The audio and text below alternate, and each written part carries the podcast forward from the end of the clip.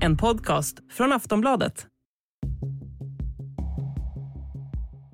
Ukraina har snart stått emot Rysslands attacker i ett år. Men nu pratas det om att en ny stor rysk offensiv är på väg för att trappa upp kriget ytterligare ett snäpp. Russia has stepped up its attacks in the east of Ukraine amid fears of a new offensive by the Kremlin ahead of the first anniversary of its invasion of the country later this month. Some of the fiercest fighting is in and around the eastern city of Bakhmut, which Russian forces have been trying to capture for more than six months.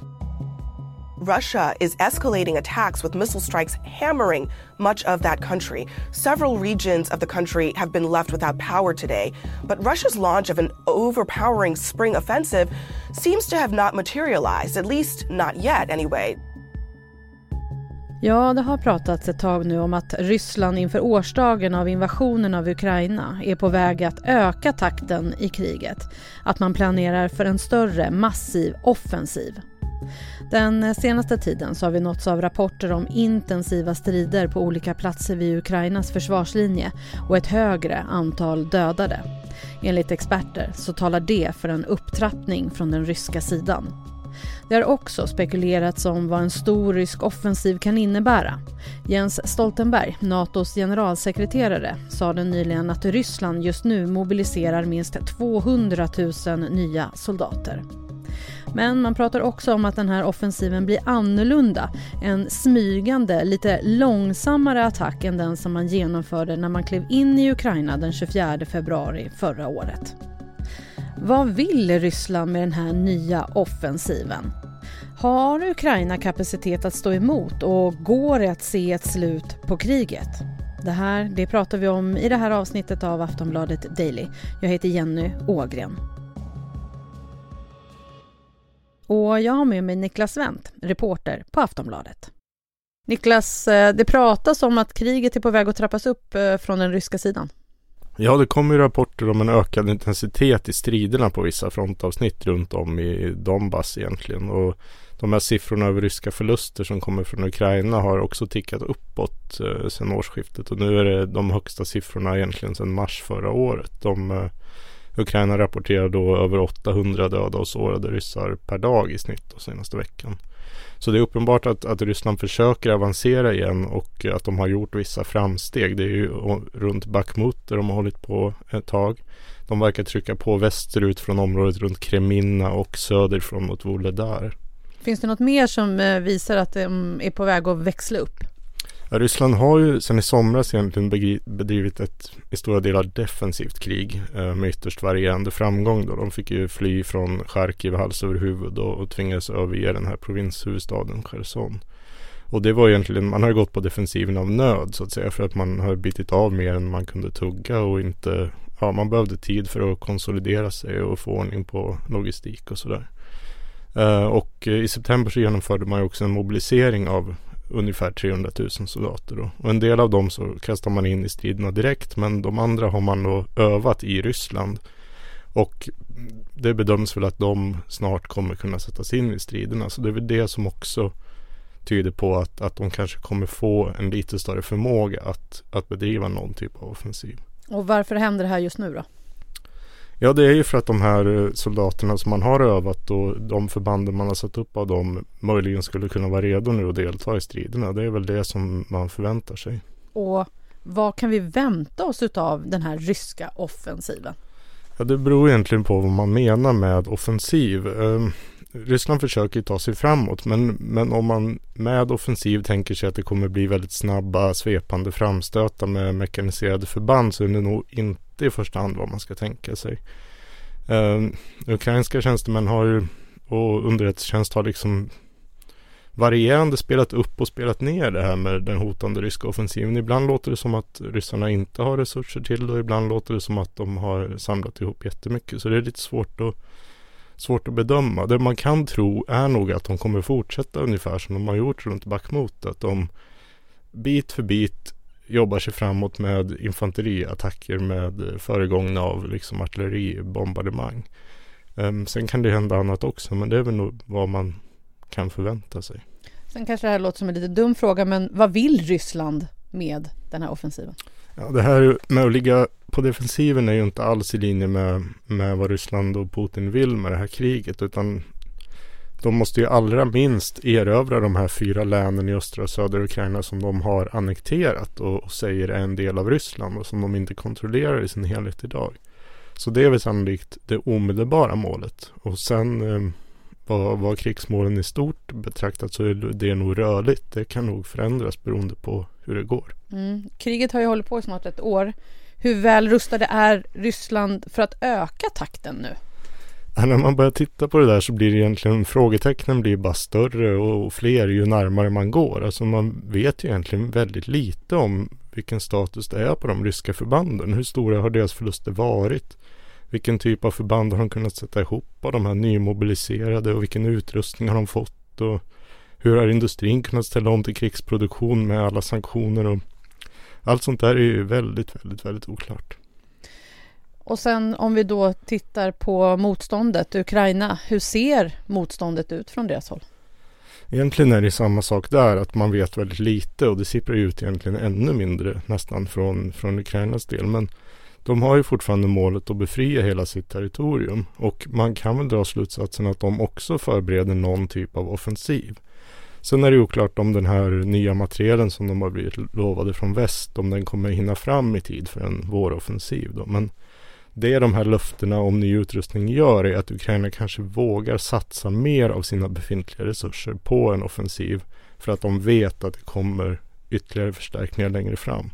Man blir alltid sårbar för motangrepp om man, om man genomför en offensiv som går i stå eller misslyckas. Men om de vet att de har mer grejer som kommer så, så kanske de vågar satsa lite hårdare. Mm, som sagt, kriget har pågått snart ett år. Har de fortfarande kapaciteten, Ukraina, att stå emot en rysk offensiv? Det måste man nog verkligen tro. Så ukrainarna har ju överraskat positivt eh, om och om igen under kriget och de, de har nog inget underläge i manskap och Ryssland har fortfarande inte lyckats skaffa luftherravälde. Sen har ju Ryssland en större befolkning och en större industriell bas i grunden. Um, och det gör ju att det finns inte något uppenbart sätt att besegra Ryssland på med mindre än att kriget tvingar fram någon sorts uh, tumultartad kollaps i Ryssland. Men ja, vad är det som talar för att Ryssland skulle lyckas med den här offensiven? Alltså, egentligen ingenting. Alltså man ska akta sig ganska noga för att säga något bergsäkert. Men om man tittar på hur Ryssland hittills har bedrivit det här kriget så, så, finns det inget som tyder på att de skulle kunna få till något genombrott av linjerna och någon penetration på djupet med pansarförband eller sådär. Vi vet ju att Ryssland har haft problem med sin logistik redan från början och sen Ukraina fick det här långräckviddiga artillerisystemet HIMARS i somras så har Ryssland behövt flytta sina underhållsdepåer ännu längre bak från fronten. Och har man sina depåer väldigt långt från fronten då måste ju väldigt många lastbilar åka väldigt långt och lasta och lasta av ammunition och drivmedel och det gör ju att det blir väldigt långsamt. Eh, alla framryckningar blir väldigt långsamma. Och det finns ingen anledning att tro att Ryssland har fått ordning på det så att säga. Det, eh, offensiver kräver jättemycket drivmedel och det kräver jättemycket ammunition i den mån man måste strida. Så ja, man kan nog tro att de fortsätter trycka sig framåt som de har gjort. Massiv artilleribeskjutning och eh, anfall liksom på frontalanfall. Ukraina har försvarat sig i snart ett år och president Zelensky var i förra veckan och besökte bland annat Frankrike och Storbritannien för att be om mer hjälp från väst. Vi hör mer om det efter pausen. Vi är snart tillbaka.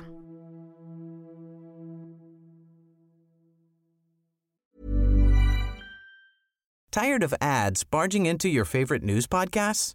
Good news. Ad-free listening is available on Amazon Music for all the music plus top podcasts included with your Prime membership. Stay up to date on everything newsworthy by downloading the Amazon Music app for free or go to amazon.com slash news ad free.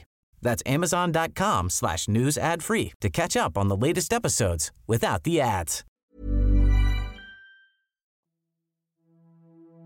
Vi vet ju inte, vi är inte säkra på om det faktiskt är på väg att bli den här typen av eh, offensiv och att den kommer att dra igång. Men enligt brittiska UD så har ju ryssarna försökt avancera sedan årsskiftet men att frontlinjen fortfarande bara rört sig ett par hundra meter. Kan det vara så också liksom att det här är en del av ett seglivat försök till en attack?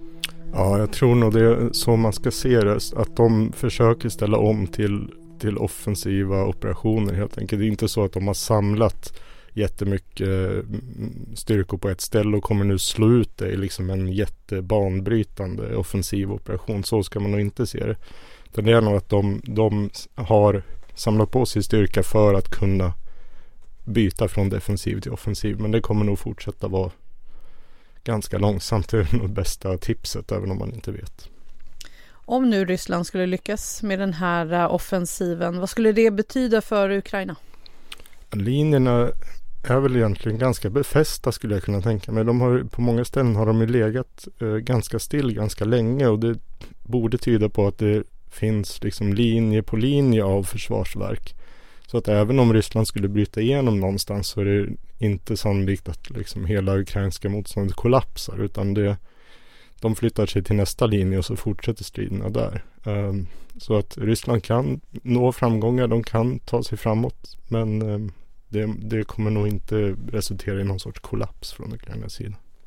Volodymyr Zelensky, Ukrainas president, han var på resa i Europa under förra veckan där han bland annat eh, bad om stridsflyg och annat från både Tyskland och Frankrike. Börjar det liksom sina i de militära lagren eller behöver Ukraina det här för att de ska kunna lägga i en växel? Ja, både och egentligen. Ukraina är ju helt beroende av en ständig ström av vapen och ammunition från väst för att eh, deras egen produktionskapacitet är ju ganska nedsatt och, och de behöver en ständig tillförsel. Och just det här med stridsflyg har inte varit jätteviktigt hittills i och med att luftrummet över Ukraina har varit ganska ömsesidigt stängt av båda sidors markbaserade luftvärn. Men det är möjligt att Ukraina bedömer att det är på väg att förändras så att de kommer behöva eget stridsflyg. Det är också en ganska lång process att, att få till det både leveransmässigt och utbildningsmässigt och sådär. Och hur ser det ut annars för Ukrainas del? Ja, det skulle man gärna vilja veta egentligen. Vi vet ju att de har ambitioner att sätta upp nya liksom, mekaniserade brigader och att de vill finns det mycket som tyder på ställa om till en annan typ av krigföring med mera rörlighet och manöver och där man utnyttjar styrkan i de här uh, moderna materialen som man får. Då.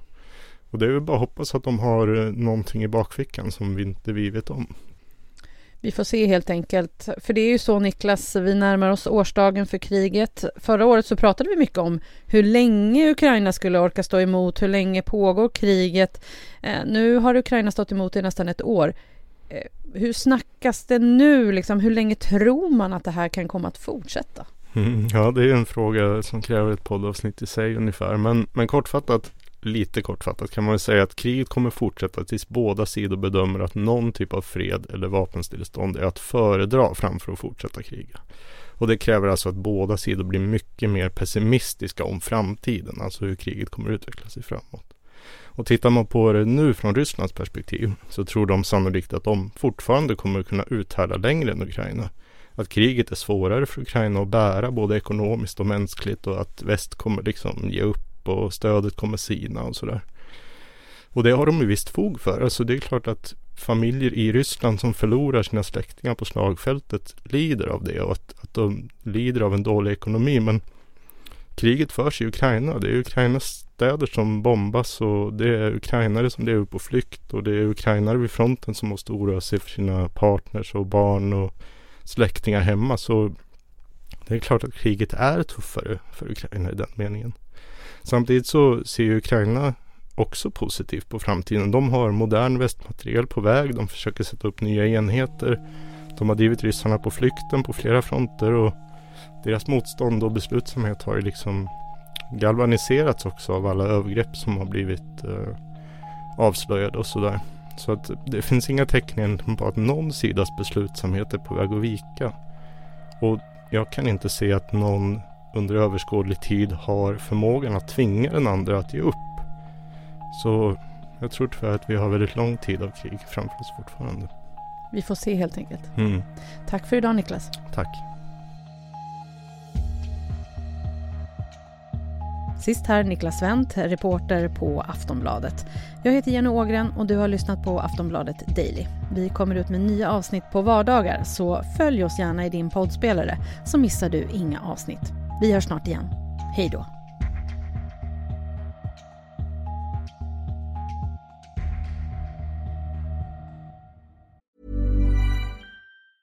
Getting engaged is a moment worth cherishing. A one of a kind ring that you design at Blue Nile can help your love sparkle. Just choose your diamond and setting. When you found the one, you'll get it delivered right to your door. Finding the right engagement ring can be nerve wracking. At Blue Nile, you'll have the expert guidance needed and a diamond guarantee that ensures you're getting the highest quality at the best price. Cherish all of life's moments and save up to 30% at BlueNile.com. That's BlueNile.com.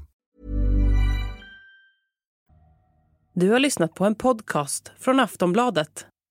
Ansvarig utgivare är Lena K Samuelsson.